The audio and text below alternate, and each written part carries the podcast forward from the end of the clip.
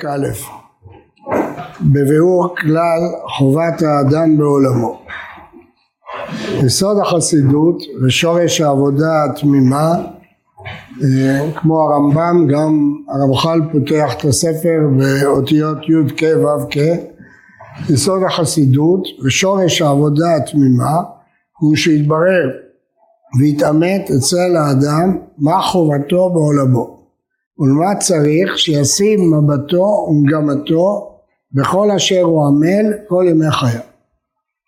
הרב הסביר בהקדמה שבכל פרק הוא יסביר את הדרכים של חובות הלבבות, איך משיגים אותם, מה מפריע להם, איך נמנעים, מה מפריעים להם.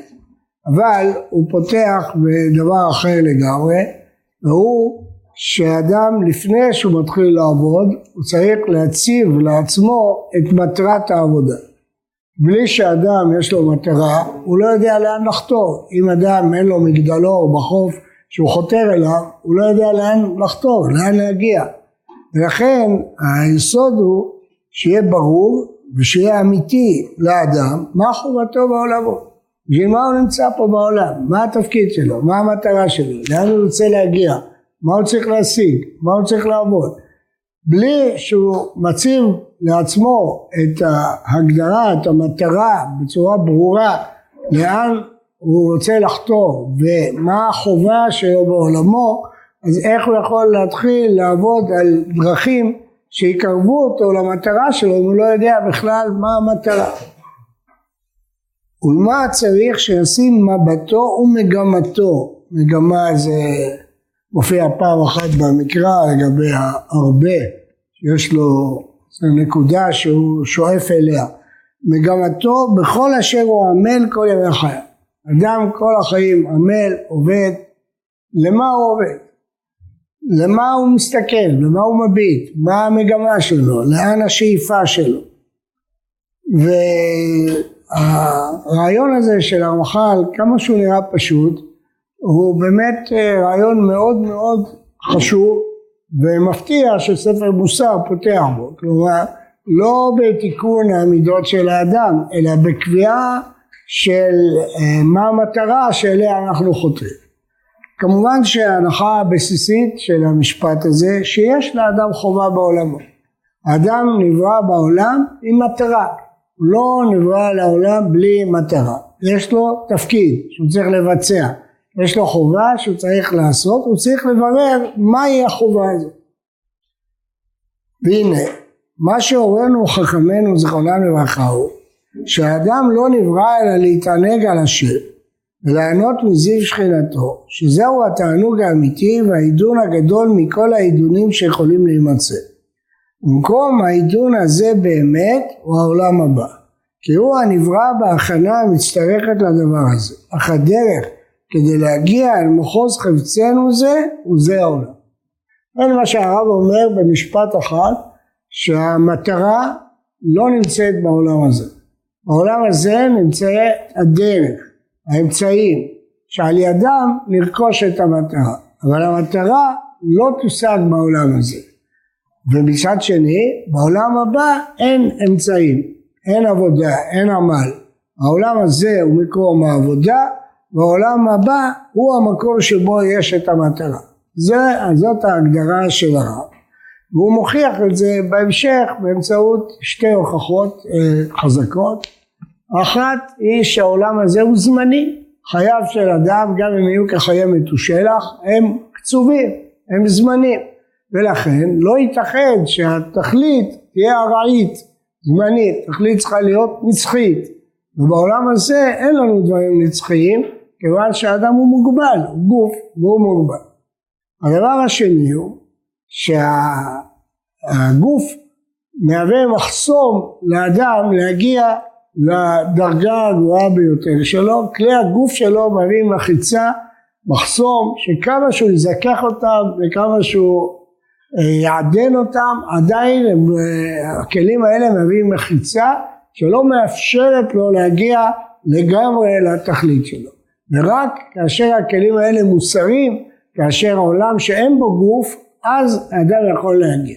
אלה דברי הרמח"ל,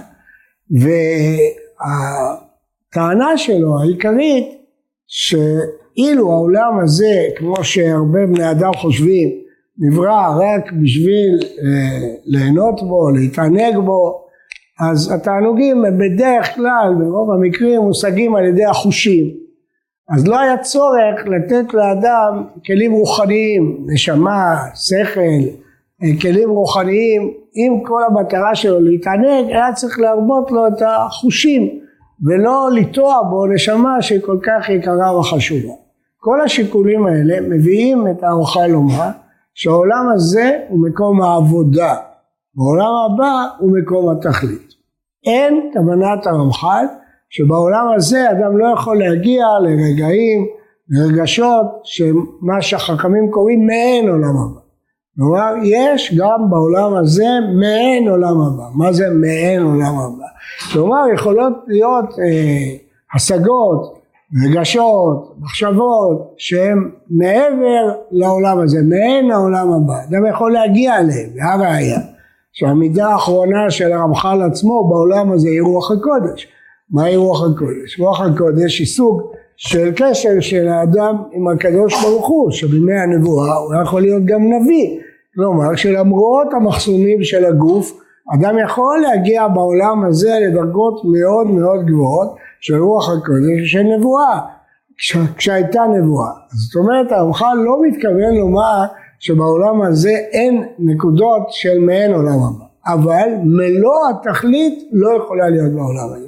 בגלל המחיצות הגופניות ובגלל הזמניות של העולם הזה.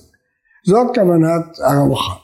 הביטוי שהאדם לא נברא אלא להתענג על השם וליהנות מזיו שכינתו הוא ביטוי מטעה מכיוון שאין לנו שפה לדבר בעניינים רוחניים. כל השפה שלנו בנויה על עניינים שאנחנו מכירים בעולם. עונג, הנאה, זה מושגים של העולם הזה, הם לא מושגים של העולם הבא, אבל אין לנו מילים, המילים שלנו מוגבלות, האוצר מילים שלנו בנוי על מה שאנחנו רואים, מה שאנחנו מכירים, ולכן אין לנו ברירה אלא להשתמש במילים שאנחנו מכירים כדי לבטא דברים שאנחנו לא מכירים, אבל זה יכול להטעות, יכול להביא אדם כשהוא קורא את המילים להתענג על השם לחשוב שזה תענוג כמו שהוא מכיר בחיים החושיים שלו, אבל כמובן שאין לזה שום קשר.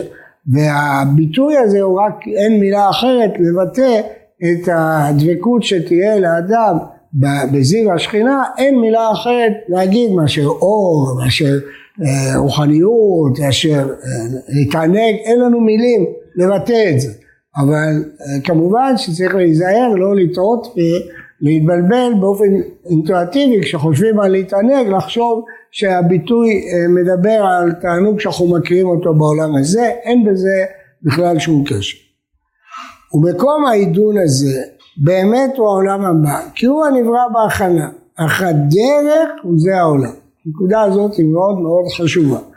המשנה אומרת במסכת אבות, יפה שעה אחת שקורת רוח בעולם הבא מכל חיי העולם הזה.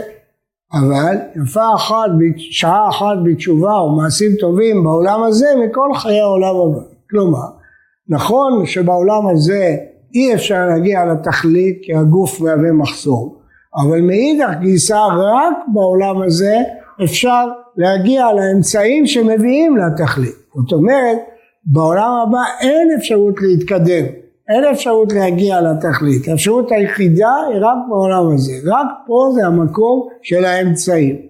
ואם. כן העולם מחולק למקום של העבודה ולמקום של ההשגה, השגת התכלית. העולם הזה הוא מקום של עבודה. המח"ל יגיד בהמשך שהאדם הוא פועל, הגירי יום מאנן, אנחנו שכירי יום, אנחנו פועלים. פועל, נותנים לו לאכול, נותנים לו לשתות, נותנים לו לטייל, נותנים לו לנוח, אבל הוא פועל, המטרה שלו היא לעבוד. אז יש לאדם בעולם הנאה ותענוג גשמי ואכילה ושתי התורה לא אסרה את זה על האדם, כי הם משמשים אותו בעבודתו, אבל כעיקרון הגיר יום היה, אנחנו פועלים. ודהיינו אנחנו צריכים לנצל את האמצעים וכל הכוח של האדם וכשהוא יודע להציל את המטרה הזאת מול העיניים, לנצל כמה שיותר את האמצעים שניתנו לו. והאמצעים כפי שהוא יגיד בהמשך עיקרם זה המצוות המצוות וההליכה בדרכי השם המצוות, תרי"ג המצוות הם נועדו להיות אמצעים שמקיימים אותם בכל דקדוקיהם כפי שנראה במידת הזהירות וההליכה בדרכי השם שזה כולל את כל המידות הטובות של האדם כאשר אלה הם האמצעים שבאמצעותם אדם יוסר. אבל יש לזכור שהאמצעים האלה מלווים גם במתנגדים. העולם הזה מלא מכשולים הוא מבוך הוא מלא מכשולים. הרמח"ל מתאר אותו כמו איזה מבוך שצריך למצוא בו את הדרך שמביאה למטרה דהיינו לא רק שיש פה אמצעים לעבודה יש פה גם מכשולים שאתה צריך להתגבר עליהם כדי להגיע למטרה שלך אתה צריך גם להתגבר על מכשולים גם לנקוט באמצעים שהתורה נתנה לך וגם ללכת בדרכי השם. אם אדם ילך בשלושת הדברים האלה הוא יגיע לתכלית שלו. ככל שהוא ימצה יותר את היכולות שלו לנצל את האמצעים שלו בעולם הזה הוא יגיע לתכלית אבל את התכלית במלואה היא לא תושג לו בעולם הזה כי לא יכולה להיות תושגת בעולם הזה כל עוד אדם הוא גוף כל עוד העולם הזה הוא זמני הוא ארעי הוא לא נצחי. התכלית היא נצחית היא מושגת רק מעולם שבו יש נצחיות. אין גוף ואין גופות ואין אה, תענוגי הגוף אלא אה, השגת השם שהיא התכלית הגבוהה ביותר מכל התכליות כפי שנראה בהמשך